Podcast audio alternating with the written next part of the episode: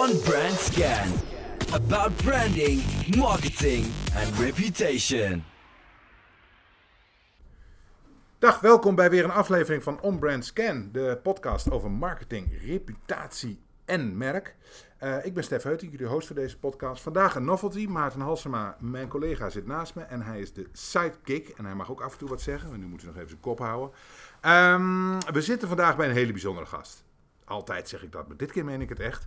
Hij studeerde in 1993 af aan de UvA, economie. En startte eigenlijk gelijk met zijn onderneming. Uh, New York Pizza, nou wie kent het niet. Uh, inmiddels hebben we het hier over een bedrijf dat in de horeca top 100, en correct me if I'm wrong, op plaats 23 stond vorig jaar. 200 vestigingen heeft en meer dan 10 miljoen pizza's per jaar verkoopt. En waarschijnlijk nog veel meer doet, maar daar gaan we het straks wel over hebben. Uh, welkom, Filip. Ja, leuk om erbij te zijn. Ja, ik vind het heel leuk om jou uh, hier te hebben. Een echte ondernemer. Want iets anders heb je volgens mij nog nooit gedaan. Nee, oh, nee. nee, nee, nee. Ik ben nee. gewoon uit de studiebank hiermee begonnen. Ja. Um, nou doen wij deze podcast aan de hand van een stelling. En die stelling, ja, die heeft natuurlijk wel een beetje met reputatie te maken, uh, omdat het in dit geval ook wel een heel leuk onderwerp is. En we gaan het daar vandaag vast heel erg veel over hebben. Um, MVO is leuk, maar dat de pizza lekker is, is echt het belangrijkste. Daar ben ik het helemaal mee eens. Ja, dat dacht ik al. Je kan uh, zonder lekkere pizza heb je geen bestaansrecht. Ja. En wat maakt de pizza zo lekker? Uh, er zijn drie elementen die een pizza lekker maken. Dat zijn de kwaliteit van de ingrediënten, uh, tijd en temperatuur. Uh, dus de baktijd, hoe lang je bakt en op welke temperatuur en de kwaliteit van de ingrediënten. Die drie moeten, zijn alle drie even belangrijk. En als die, uh, je hebt natuurlijk ook mensen nodig om de pizza's goed te maken, maar die drie elementen, tijd, temperatuur en kwaliteit, zijn alles bepalend. Ja, en als ik dan heel even over de, over de ingrediënten, de, is dat bij jullie uniek? Is het beter dan de rest? Is het anders dan de rest? Nou, hangt vanaf van de definitie van de rest. Wij, wij, zijn compromisloos in onze ingrediënten. Dat zegt iedereen. Dat zegt uh, elk voedselverkopend bedrijf. Alleen ehm, wij zijn daar vrij hard in.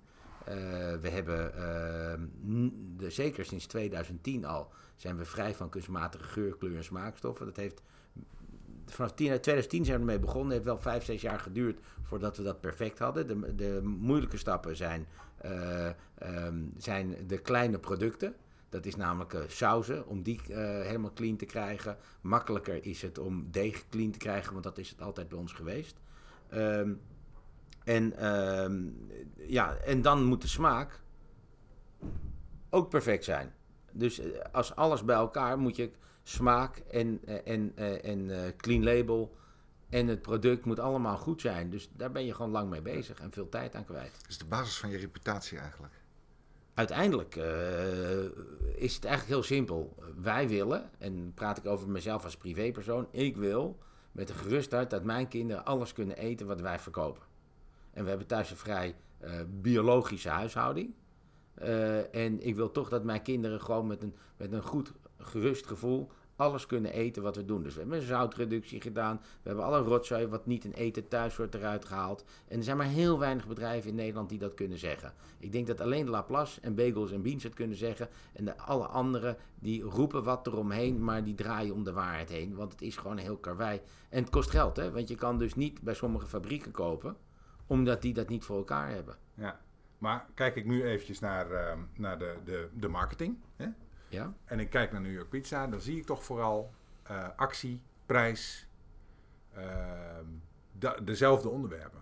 Ja. Ik zie jullie eigenlijk, of althans voor mijn gevoel, maar dan kijk ik puur even als consument hoor, zie ik het niet als uh, jullie met, met het product zelf. Nou, eigenlijk doen wij, uh, introduceren wij zo'n zo, zo 15 tot 20 nieuwe producten per jaar, tijdelijk. Dus we zijn heel erg productgeoriënteerd. We hebben altijd speciale actiepizza's. Die zijn altijd wel gunstig geprijsd, maar er zitten gewoon best wel leuke, bijzondere producten soms tussen. dus, maar die positioneren we wel met prijs en actie.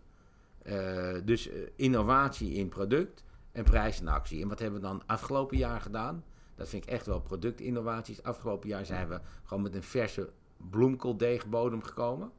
En een bloemkoolpizza, die hebben we geïntroduceerd vorige zomer. Ja. En dat is vrij uniek. Uh, het bestond al als uh, voorgebakken product, maar in de versmarkt niet. En dan maak je gewoon een product waar, waar gewoon uh, ehm, ik geloof 37% eh, bloemkool in de bodem zit. En dat is gewoon wel heel gaaf als je dat kan maken. En, eh, en daar hebben we een hele grote campagne omheen opgetuigd. En dat is wel degelijk helemaal product en imago gericht geweest. En het allermooiste is, het smaakt gewoon net zo lekker als een andere pizza. Het- En dat vinden mensen ook? Krijg je dat ook terug? Dat, dat ja, zie ja, je ook ja, het wordt heel hoog gewaardeerd. Oké. Het is ongelooflijk. En je krijgt er fans door. Eh, omdat je gewoon... We hebben geen gezondheidsclaim erop. Eh, want je bakt het. Je bakt de bloemkool. Dus je weet niet precies wat er gebeurt. Maar je krijgt sowieso meer mineralen, vitamines, vezels... krijg je binnen dan bij een gewone En minder pizza. koolhydraten, dacht ik toch ook, of niet? En ietsje met 15% minder Jullie- koolhydraten. waarom leggen jullie die claim niet nadrukkelijker? Jullie zijn een bedrijf met een duidelijke MVO-ambitie. Ja, nou, die claim. eh, Uiteindelijk zien we dat wij in een hele eh, hoog competitieve markt zitten. Een hele prijsgevoelige markt. En we kunnen dan wel hele mooie producten gaan maken. Maar als we die te hoog prijzen, verkopen we die niet. Heel simpel. En we vechten tegen een imago van eh couriers. En dat is misschien wat, maar we hebben tegenwoordig gaat bijna alles op de elektrische fiets. Wat bedoel je met imago tegen couriers? Nou, dus eh, eh, het belangrijkste element, en we zijn in 2012 zijn wij begonnen als eerste keten in Nederland, en misschien wel in Europa, om met het bezorgen van op elektrische fiets. Iedereen bezorgde op brommers. Dus zeg maar van de jaren 90 en, en, en tot en met 2012 we- eh, hadden we te maken met een eh, brommer, courier, imago. En dat was niet positief. Nee. Dus hoe goed ons product ook was, dan had je toch een brommer, courier, imago. Dat is aan het kantelen nu. En eh, dat is, ik denk, een van de grootste prestaties van New York Pizza, of misschien wel van mijzelf, is geweest het introduceren van de e-bike. Met Sparta hebben we die ontwikkeld. En dat is de norm geworden. Heel Nederland en buiten Nederland bezorgt nu op elektrische fietsen. Ehm, en die, eh, die kunnen we mooi in onze eigen zak steken, want daar zijn wij mee begonnen. Dat kan tot het imago van couriers. Want het is een elektrische fiets voor de deur, vindt niemand erg. Een benzine eh, verbrandingsmotor, brommer voor de deur, eh, die hard door de straat scheurt en lawaai maakt, dat is, is lang niet zo positief. Ehm, dus het imago van ons is, eh, is fastfood. Gewoon, daar kan ik eh, niet omheen draaien. Door die couriers en door eh, ehm, het product. Als je dan naar de realiteit kijkt, wat het eigenlijk is, is verkopen wij een magere kaas, 100% tomaat, een bodem. En je kan hem met groenten beleggen of met vlees. Daarmee kan je hem zo gezond en ongezond mee maken als je wilt. Maar het is geen frituur, het is geen eh eh biefstuk friet. Het is, eh, het is gewoon iets wat je rustig kan eten. Mhm. En, dan- en zeker als je hem met een groentebodem en, en vegetarisch bestelt. Alleen dat is niet wat het imago is wat wij doen. Nee, maar jullie laten je daar niet heel duidelijk ook op voorstaan. Ik Nee, op jullie als we het staan. wel doen, gaan onze omzetten niet omhoog. Hoe komt dat dan? Omdat onze functie is volgens mij gewoon een lekkere pizza gemakkelijk thuis bezorgen. En, eh, en dat tegen een scherpe prijs. En is dat ook vanuit de verwachting dat je een pizza bestelt... en je niet op je gezondheid hoeft te letten... en gewoon eens even lekker fastfood eet? Ja, een tractatiemoment, dit zeg je goed. Eh, dus gemak, lekker, tractatiemoment, dat is wat onze functie is. Ja. En eh, dus zeg maar, we zien ook dat mensen die acht keer per week naar de sportschool gaan en weet ik wat, die laten zich af en toe een keer gaan en nemen ze lekker een pizza bij ons. En dat zien ze als tractatie. Dus op dat moment is, dat, is het niet, is iets anders als je naar een, een eh, groenteshake gaat eh, eh, nemen voor ontbijt. Dan is dat ook een heel bewuste keuze om dat te doen. Omdat dat gezond is. Ja. En als je een pizza bestelt, is denk ik een moment dat, van, dat je je even laat gaan. Dat is wel jammer, want jij mag dus niet je ingrediënten gebruiken... ehm, om daarmee je MVO-karakter te benadrukken. Want dat verwacht men gewoon niet van je. Nee, het is ook je vechten. We hebben een keertje een merkpositionering gedaan, een jaartje of vier geleden. En toen konden we, dat was een fantastisch voorstel dat we ons zouden positioneren, zeg maar, als een Toscaanse pizzeria. En de ander was zegt, nee, je bent gewoon uit New York, je bent gewoon Manhattan, je bent gewoon een Amerikaanse imago pizza bezorger. Nou, als je een nieuw bedrijf zou beginnen, dan zou je misschien wel die Toscaanse kunnen omarmen met wat wij doen. Lijken we eerder daarop dan op een eh, McDonald's uit, eh, uit Manhattan. Alleen, dat is een, een- de kans dat dat imago gekanteld wordt met wat we al zorgvuldig hebben opgebouwd, is nul. Dat dat gerealiseerd wordt. Dus we omarmen wie we zijn. New York pizza, gemak, lekkere pizza. Maar we zorgen ook dat de MVO-kant als hygiënevoorwaarde een soort verzekering voor de toekomst. En opdat mijn kinderen het altijd kunnen eten wanneer ze willen. En dat gun ik ook alle andere ouders. Dat dat eh, eh, de continuïteit geeft. En als je nu even kijkt naar, eh, dat is even leuke actualiteit. Dus volgens mij staat het onder druk dat mensen jonger dan 16 ook bezorgen. Even over die couriers weer terug. Ja, Hoe zie jij dat? Ga je daar een voortrekkersrol in nemen of zeg je nou, laten we even af. nou, ik zit, in het, ik zit in het bestuur van de Nederlandse Vereniging van Maaltijdbezorgers. En daar praten we erover. Ehm, ik, ik vind het een hellend vlak. Het is een soort van. ehm, ehm, ze zeggen dat eh, onder tijdsdruk en spanning en verkeer. dat dat, dat, eh, dat niet goed is voor eh, kinderen van 15 of 16. Maar er zijn al zoveel regels over arbeidstijden en tot hoe laat en weet ik veel wat. eh, dat als je gewoon normaal je functie doet. en zoals wij dat doen als keten is dat je de druk zit in de keuken, niet in de bezorging. Nooit in de bezorging. Er zal nog nooit iemand tegen een bezorger in onze keten zeggen: je moet nu snel bezorgen. Want eh, we rijden niet verder dan drie kilometer. Dat duurt op een e-bike nooit langer dan eh vijf, zes minuten. Dus er is helemaal geen druk. We hebben warmhouttassen. Of we na 10 minuten of 7 minuten in de pizzatas zit onderweg naar de klant, dat maakt ons niet uit. Want de bereidingstijd van de pizza is 5 minuten. Eh, de- we willen graag binnen een half uur bezorgen. Of de baktijd en bereiding misschien 6 minuten. Ja. Dus de winst zit niet in die laatste 7 minuten. De winst zit van de bestelling tot de deur uit. Daar zit de, de, de kunst. Ja. Dus eh, dan zou je ook kunnen zeggen dat kinderen niet meer naar school mogen fietsen. Want daar is ook tijdsdruk op. Of eh, ga zo maar door. De brommers zijn weg. Het is e-bikes. Die gaan niet harder dan 25 km per uur. Ehm, ja, ik, ik vind het... eh, als je de regels goed toepast...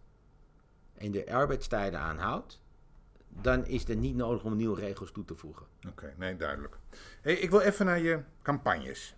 En eh, de op, ik herinner mij de campagne De Lekkerste Doos van Nederland. Ja. Zou die nu nog kunnen? Nou, dat is hilarisch, want die hebben we eigenlijk afgelopen zomer met Ja, de bloemkoolcampagne nog een keer dunnetjes over gedaan. Ja.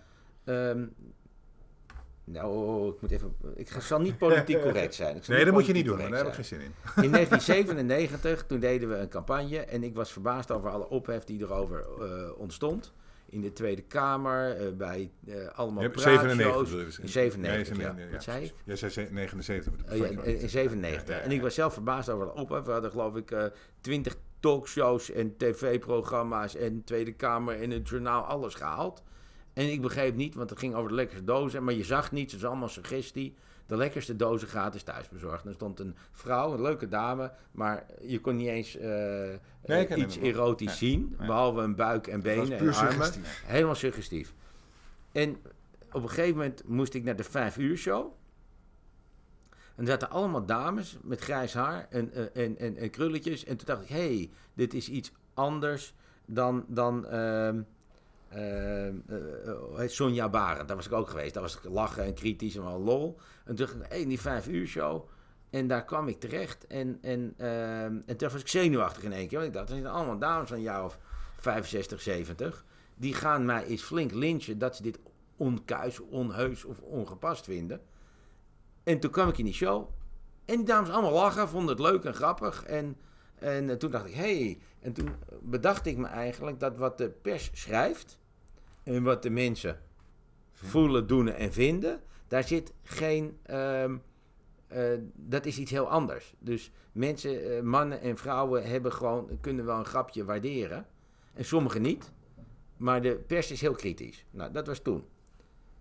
En eh, toen hadden we eigenlijk een soortgelijke campagne met een tv-commercial en een ABRI-campagne en, ehm, ehm, en een bloemkolencampagne die eigenlijk eh, deed alsof bloemkolenborsten waren. En allemaal super suggestief en, en, ehm, en eh, niets te zien. Niet eens een hoofd of wat dan ook. Lippen waren te zien, een hand was te zien, een bloemkolen en een buik. Ja. Meer was er niet te zien. Dus toen dacht ik, nou, ik zei tegen het reclamebureau, nou, we zijn nu, eh, wat is het, eh, 23 jaar verder, of 22 jaar op dat moment. Ik zeg, dit gaat geruisloos voorbij. Dit kan niet opmerkelijk of wat gevonden. En tot mijn verbazing, maar niet van het reclamebureau, was er weer al die ophef. Bij de pers. Bij de pers. Enorme ophef, enorme brieven, klachten bij de reclamecodecommissie. Ja, All the way. En ik zat er te kijken, maar je ziet niets. Het is suggestie. We doen alleen maar een suggestieve opmerking. En mensen maken zich druk over. En vooral dames, die vervolgens ook nog een diensten aanboden om onze reputatie weer op te kunnen vijzelen. Ehm, ehm, en, en, eh, en ik dacht eigenlijk, het is niets veranderd. Want ze gaan, maken zich nog steeds druk om suggestie en onderbroekenlol. Want veel verder gaat het niet. Is niets te zien en alles. Hele lekkere bloemkolen of zo. Nou, veel verder dan André van Duin humor gingen we niet. En al die ophef.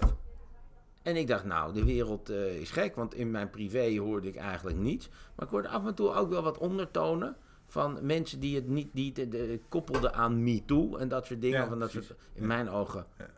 eh MeToo is natuurlijk ver- eh, verwerpelijk als je vanuit je positie misbruik maakt van mensen, vrouwen of wat dan ook, of mannen op mannen, maakt niet uit. Dat, dat, dat keur ik aan alle kanten af, maar humor keur ik helemaal niet af. Humor vind ik lachen en onderbroekenlol. Alleen toch hebben we iets geleerd ervan vorige zomer. Is namelijk dat die generatie Z, de humor eigenlijk, wij zijn allemaal een beetje eh, grijzig aan het worden zoals we hier aan tafel zitten.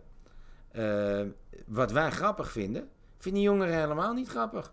Die zijn veel meer, eh, de generatie Z is veel netter en keuriger en kuiser. En in humor ook vinden ze het al snel hard. Of misschien kan je het Amerikaanser noemen.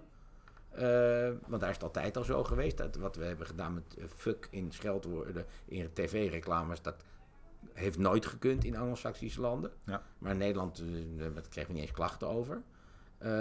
Is dat er wel een soort, soort Is dat een moreel van de jonge reveille mensen? is, Ja. is dat die jongeren, die vinden dat helemaal niet grappig. Wat wij ouderen humor vinden. Rauwe, grappige, ruwe humor. Dus die, die, die jongens zijn eigenlijk een beetje saai en burgerlijk aan het worden. Of, of, of, of zeg je dat nou niet?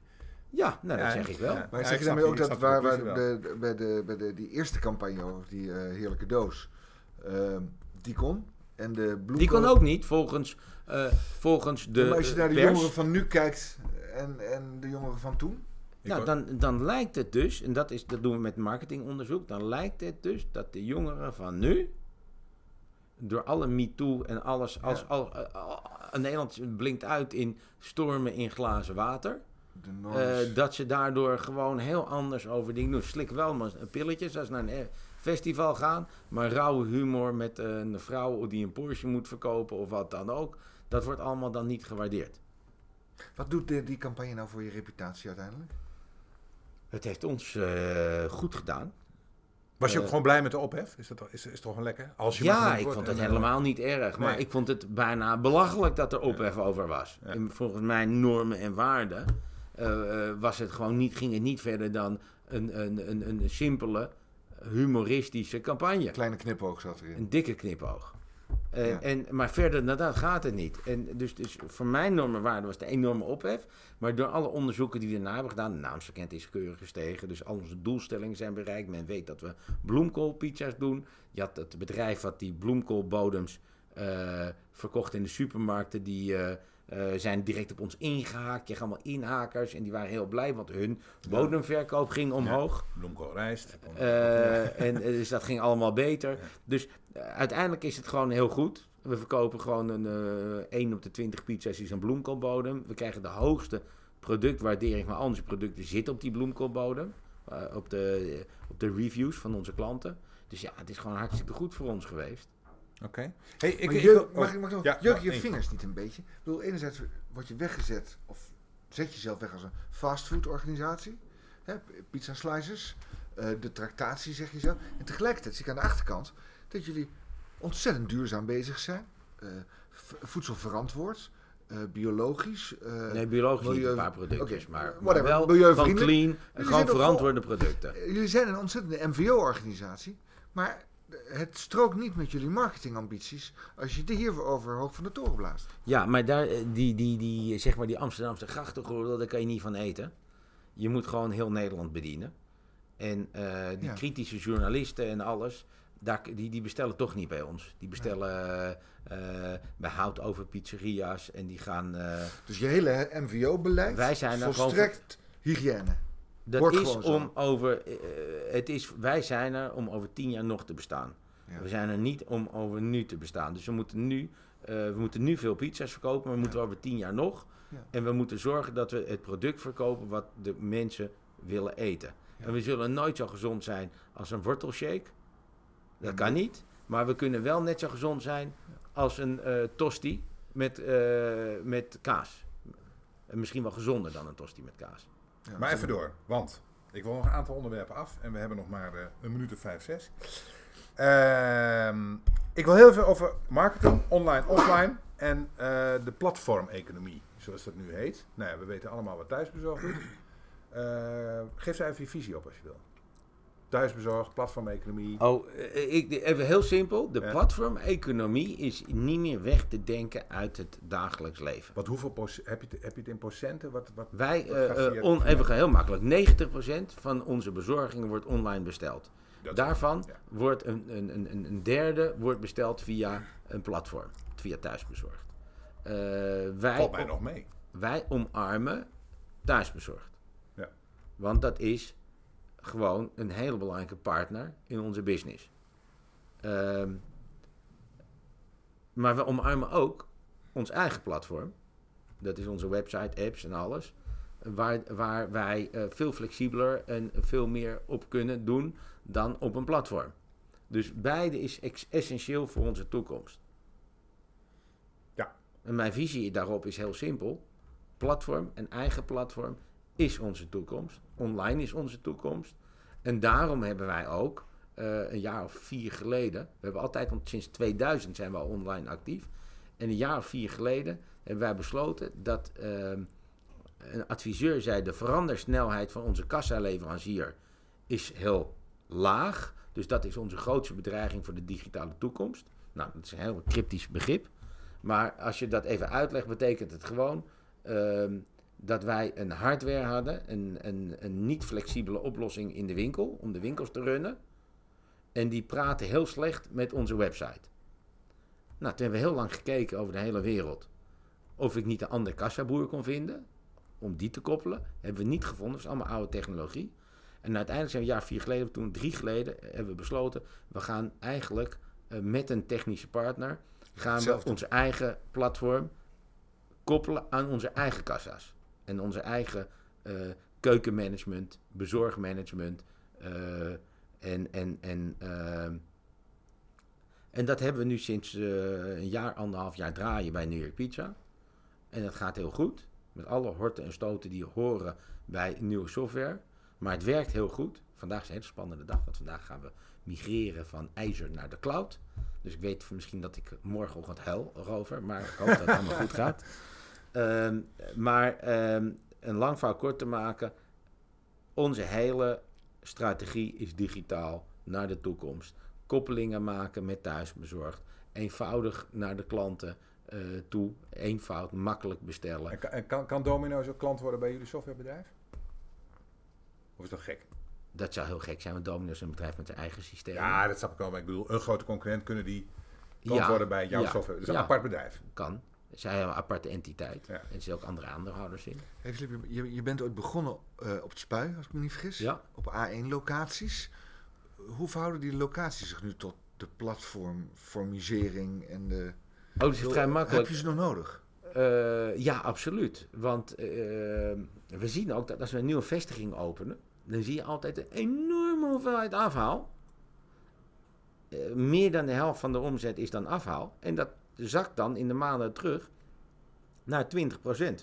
En er wordt 80% bezorgd. Onze functie is bezorgen naar de klant. We gaan afhalen. Er zit Ja. ook een, een, een prijsvoordeel op, op afhalen ten opzichte van bezorgen. Ehm, maar uiteindelijk wil de klant gemak en een lekkere pizza. En dat is bezorgen. Maar de grap is dat wij ontdekken, is dat eh, als de locatie op een industrieterrein hoog achter zitten, dan gaat die winkel nooit goed lopen. Dus hoe beter, we hoeven ook niet op een A1 te zitten. We moeten op een goede doorgaande plek zitten waar de mensen ons zien. Of kunnen parkeren Ja. om af te halen. Goede zichtlocatie, maar dat zijn doorgaande wegen. Daar heb je geen A1-locatie voor nodig. Je hebt niet veel mensen nodig die langslopen. Maar aan het parkeerterrein van een winkelcentrum vinden wij fantastisch. De slechtste plek van het winkelcentrum is onze beste plek. Want dan zien ze dat je er bent. Ja, dan en, dan je komt awareness. Gewoon awareness. En als ze dan eh thuiskomen, dan hebben ze die winkel gezien en dan bestellen ze. Of ze Ja. rijden er langs. Ja, ja, dat is al. Ja, dat is al En als je je niet Ja. Dan besta je niet. Dus het gaat Ja. over je top of mind positie die je met je winkel kunt invullen. Ja, absoluut. Hey, en als je het even hebt over adverteren, hoe zit dat nu bij jullie on- en offline? Want ik zie nog steeds veel, volgens mij is er ook nog steeds veel buitenreclame. En, Wij Ah, doen- heel wij- veel buitenreclame. Wij doen buitenreclame, Ja. we doen televisie. Eh, Vanuit dezelfde we zijn dit jaar voor het eerst gestopt met folderen. Dat was vroeger de belangrijkste poot. Dat hebben we omgezet naar, naar eh, online. Zeg maar die hele tak van folders zijn we langzaam gaan afbouwen. En dat is dit jaar niet meer. En zijn we helemaal online. Dat heeft ook te maken met de nee-nee-stickers en beleid van de steden. En Ja. de betrouwbaarheid van het laten landen van je folders. Dus dat hebben we helemaal van. van ehm, eh, dan zou je ook nog met een slap verhaal MVO kunnen noemen. Dat je van papier naar Ja, ja. digitaal Maar dat is wil. constructie. Maar dat is gelul. Ja. Dat is gewoon, het ene is heel kostbaar geworden en werkte minder. En de andere, en online werkt het uitstekend. Dus die budgetten zijn verschoven. Dus online is enorm. Maar we geloven nog steeds in televisie, radio, outdoor. Om die online, om eigenlijk in één klap, Ja. een goede mix, goede mediamix te zetten voor een goede campagne. Helder. Hey, en wat is een goede mix? Hoe verhoudt zich dat dan tot elkaar? Wil jij gezegd net, hè, mijn pand houdt toch altijd top of mind functie. Dus je abris dragen daar ook aan bij. Je, je offline campagnes ook. Hoe, hoe, hoe liggen die verhoudingen dan? Financieel gezien? Of, Ja, gewoon, eh, kijk, als in- wij gewoon een hele, goe- eh, als wij eh, een hele goede campagne hebben, een hele effectieve campagne, dan moet de aanbieding goed zijn, het product moet goed zijn, het liefst onderscheidend. We hebben net een grote campagne gedaan met eh, Dunkin' Donuts vorige zomer met Ben Jerry's. Dan geef je in de markt iets unieks wat anderen niet kunnen. Dus twee Dus donuts productniveau? op productniveau, dat moet goed zijn. De prijs moet goed zijn. En daarna moet je echt gaan stapelen. Het is gewoon stapelen. Online, offline, eh, below the line, alles. Gewoon Ja. all the way. Hoe meer budget er tegenaan gaat, Ja. hoe effectiever de campagne. Ja. Maar alle elementen moeten kloppen. Waar ik je nog mis, is in de, als het gaat om persaandacht. Ja, Want ik, we zitten te praten. Ik, hoor, ik zit tegenover een hele visionaire vent met allerlei ideeën. En over voedselkwaliteit, en over ja duurzaamheid. daar zijn we niet zo goed in. Ik ben zelfs de laatste jaren iets meer op de achtergrond gegaan. eh, en heb niet zozeer eh, pers opgezocht. Maar liggen daar niet reputatievormende kansen voor je? Ja, want uiteindelijk weet niemand dat wij gewoon een Nederlands bedrijf zijn. Dat we hartstikke braaf jongetjes zijn. Dat we in Nederland zonder belastingcentjes betalen. Dat er geen geld weglekte via gekke constructies naar het buitenland. Eh, ja, er zijn allemaal mooie dingen er over ons te vertellen. En ten opzichte, en dat we de enige Nederlandse bedrijf in, zeg maar, even fastfood zijn, die een beetje volume draaien. Ja. Dus de, de- dat is allemaal wel eh, eh, vrij uniek en PR-matig zou je het kunnen uitnutten. Maar eerlijk gezegd zijn we altijd zo hard aan het werk geweest dat we daar nooit zoveel tijd en moeite en aandacht aan hebben besteed. En we krijgen stiekem de, door de jaren heen, krijgen we toch wel ook onze portie aandacht eh, En- met, met, met, eh, Ja. met media. Ja, en ik moet nu ook afronden. En je krijgt het natuurlijk nu ook in deze podcast. Dus dat is mooi. Ehm, ik wil je in ieder geval heel erg bedanken voor dit gesprek. En ik wil afsluiten met toch even... heb je één tip voor ons? Als iemand die al zo lang onderneemt... en een onderneming vanuit het niet zo groot heeft gemaakt. Eén tip wat we moeten doen? Als ik één tip zou doen voor ondernemen, maar Ja. dat is mijn filosofie. Ja, ja, helemaal Ik onderneem eigenlijk alles wat ik doe, en we doen vijf, zes verschillende activiteiten, is alles is altijd met recurrent revenue. Dus alles wat we doen, is, dat komt weer terug. Wij zullen nooit one-offs doen. Dus eh, wij zullen nooit een, eh, een evenement organiseren. Ja, tenzij je het elke week zou kunnen organiseren. Eh, of het nou eh, deegbolletjes leveren is, of software verkopen, of pizza's aan de consument verkopen. Eh, Als we het goed doen en je doet wat de klant wil, dan blijven ze klant en komen ze terug. Dat is eigenlijk mijn strategie met alles wat ik doe, dat het recurrent is. Oké. Mag ik je heel erg hartelijk danken voor dit gesprek. Dankjewel. Graag gedaan, jullie bedankt. Top. Nou, ik hoop dat het jullie net zo goed bevallen is eh, als dat bij mij het geval is met een sidekick. Nou, dat is best handig. Ehm was een mooie aflevering met Philippe Forst. We gaan een, ehm, een drieluikje maken over branding, marketing en reputatie met Mark Oosterhout, Ronald Voorn en Betteke van Uller. Jullie hoort zelf weer wanneer het allemaal aan de orde is. Like, abonneer, social... Ja, ik ga dat ook allemaal niet meer zeggen. Tot de volgende keer.